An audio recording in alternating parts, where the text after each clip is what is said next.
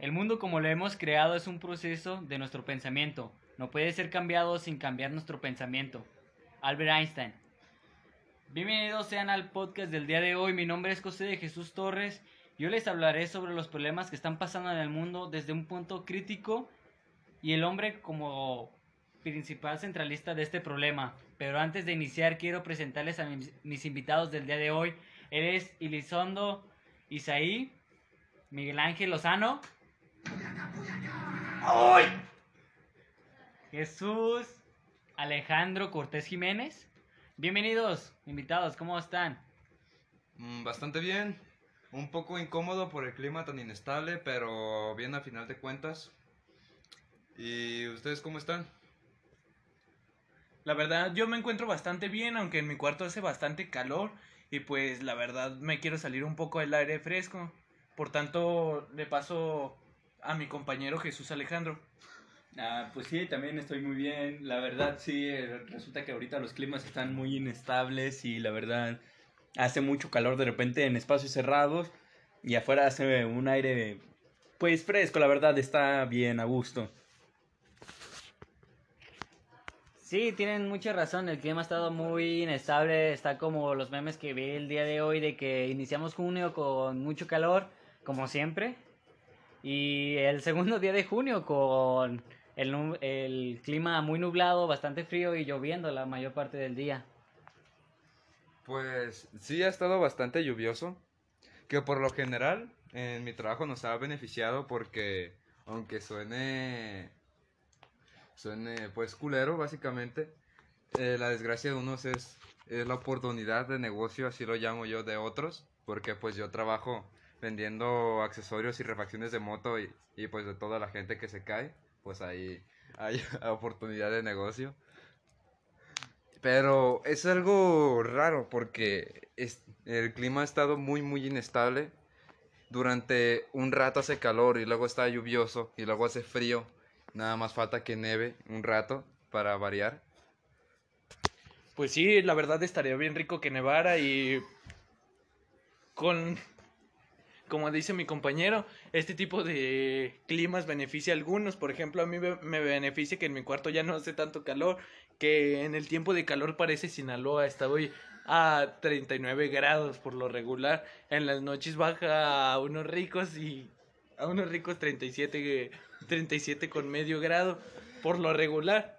Pero en las mañanas con la lluvia baja bastante, baja a 27, 28 grados. Entonces es mucho más cómodo para mí. Ya puedes respirar.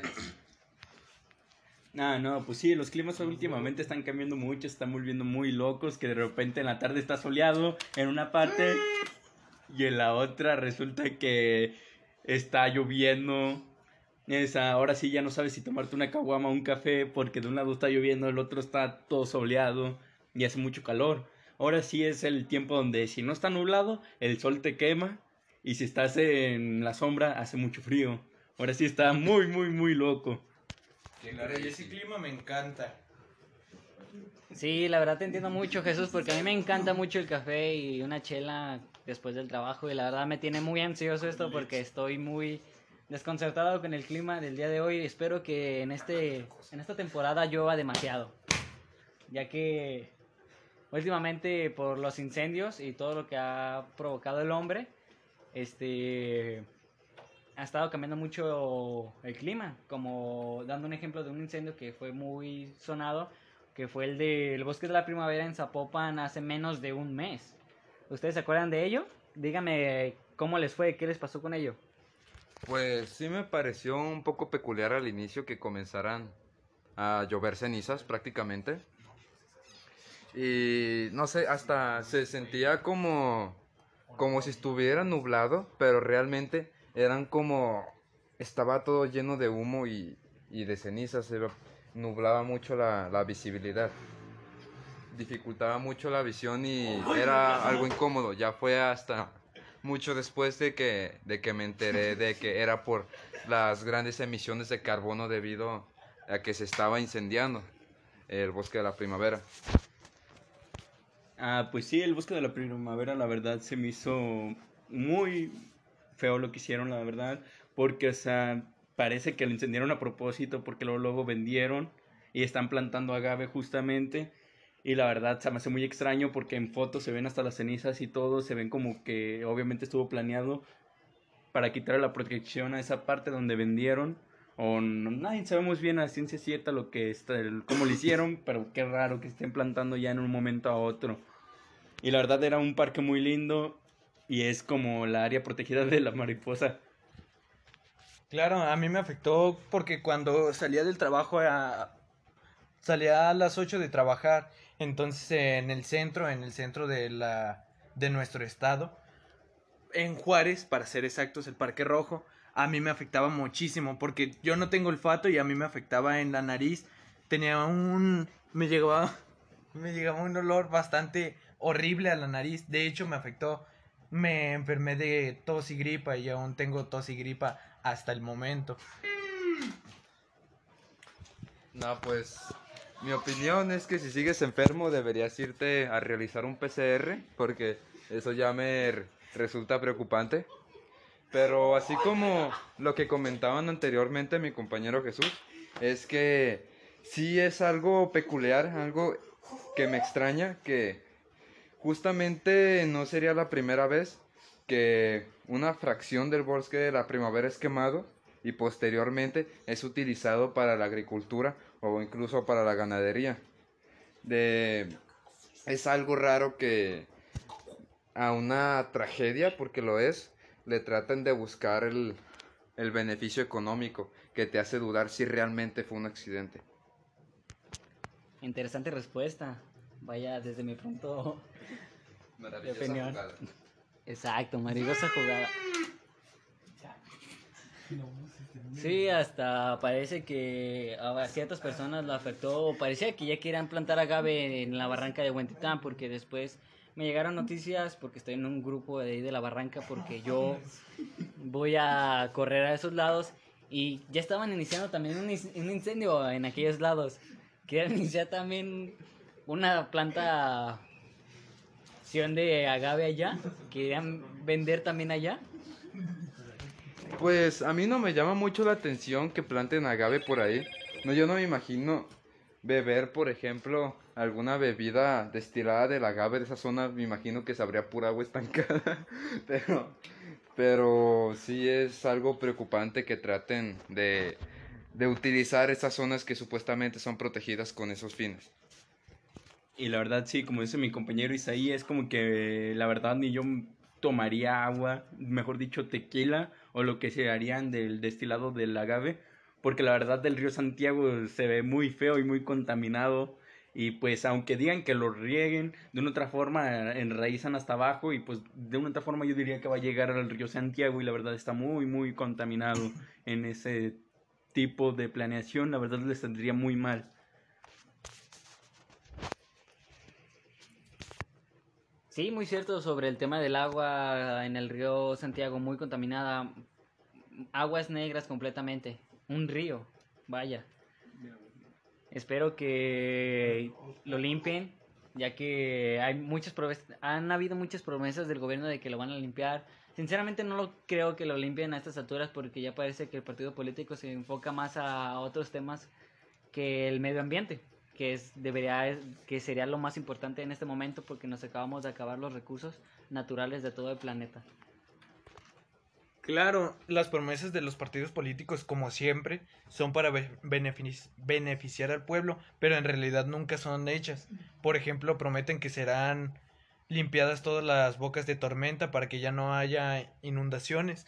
O que, por ejemplo, las noticias que hay sobre las casas que se inundaron y que perdieron completamente todos sus su inmueble o todos sus, sus pertenencias en este tipo de problemas, problemas que no deberían de tener, porque se supone que el gobierno debe de estar limpiándolo y en realidad no lo hace porque cuando termina su campaña política o la- las elecciones, cuando terminan sus elecciones y uno es elegido, olvidan completamente al pueblo y se benefician totalmente para ellos.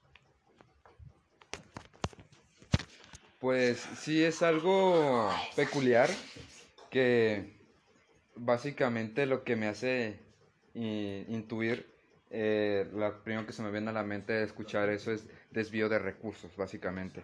De planear proyectos y plantearlos para después solicitar recursos y que finalmente no se realicen. Mm, la verdad me suena algo sospechoso, pero no sería la primera vez que, que se busca el beneficio económico sobre, sobre todo lo demás. Sí, eso involucra mucho material político porque para limpiar el río Santiago necesitamos la aprobación de varios gobernantes de los municipios como Guadalajara, involucra Tonalá y en Chapala, porque sabemos que el, largo el río se extiende por todos esos municipios, entonces uno solo no solo va a poder limpiarlo, va a tener que depender de los otros gobernantes de los otros municipios para poder limpiarlo. Entonces, dudo mucho que lo limpie, la verdad. Y espero que el gobierno tome conciencia de ello eh, sobre los problemas que estamos viviendo actualmente porque ya no creo que haya una marcha hacia atrás.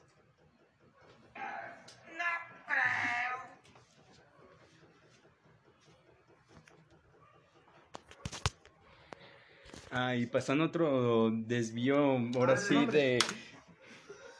Pasando otro desvío económico realmente de, de fondos, em, como en el...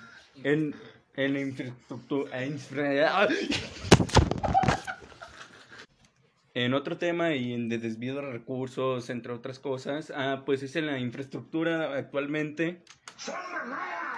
Eh, pues sí, esa, lo vemos aquí en el periférico que la verdad están renovando enteramente y digamos que en algunos sitios ni se ve la diferencia y aparte de que están haciendo unos desniveles que la verdad van a provocar inundaciones que de por sí se veían antiguamente en el antiguo periférico porque no han puesto ni bocas de tormentas o desagües, algo que lo desvíe, mejor dicho, porque la verdad es como que mantienen aún el mismo se puede decir, diseño antiguo que hace que se inunde y la verdad haga que los carros y provoque estancamientos.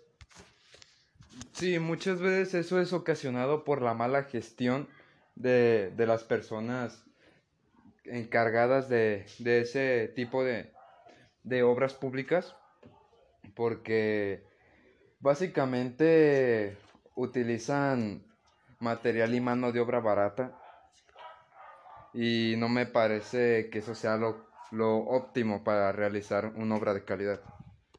Claro, y por lo tanto este tipo de personas solo utiliza, solo quiere derrochar el dinero, porque les dan una cantidad para que hagan algo y como ellos saben que no lo van a gastar, solo tienen que poner que gastaron bastante más dinero, aunque tarden muchos más días de lo que debería y no haga nada de diferencia. Por ejemplo, algunas calles de San Gaspar siempre están en proceso de reparación y realmente no se hace nada porque cada dos semanas o cada una semana se está abriendo el mismo punto. Entonces no creo que se esté echando a perder cada semana.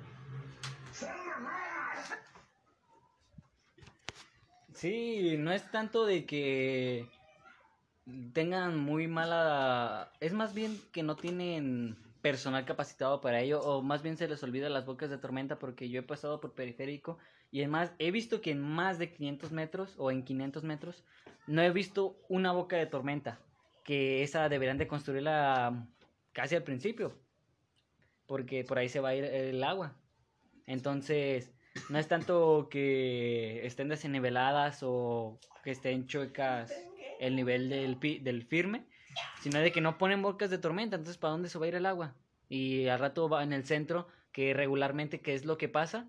Que se inunda la ciudad, como hasta el tren ligero. Sí, no sería la primera vez que, que ocurren este tipo de desastres o accidentes por causa de la negligencia. Eh, me parece que eso era innecesario, pero, pero ok.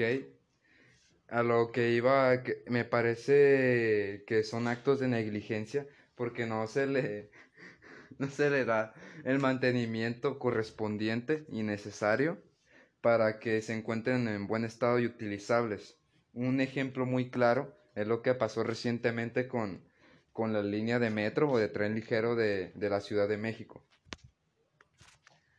Sí, sí me acuerdo de esa noticia bastante fea, un enorme listón para la Ciudad de México, no solo para eh, la materia de infraestructura, ya que el tren era eléctrico y era innovador, pues no tenía mucho, sino se hizo en el 2012, por lo que no tiene ni una década que duró el tren. Fue un enorme listón negro, sino para las familias que, que tenían familiares que abordaban esa línea y desafortunadamente quedaron abajo de escombros y perdieron la vida. Unos hasta quedaron lesionados y puede que no, vuelvan a ser las mismas personas de antes. A lo mejor ya no pueden volver a trabajar y todo por un error de infraestructura. A lo mejor metieron material pobre en un área sísmica que es muy constante. Eh, un enorme error ya que eso, en esos tipos de áreas no tienes que meter material pobre porque se te va a venir abajo.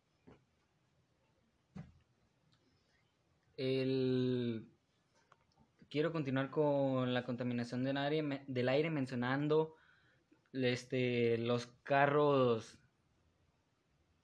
que funcionan por gasolina, que como sabemos aventan enorme, enormes cargas de CO2 a la atmósfera.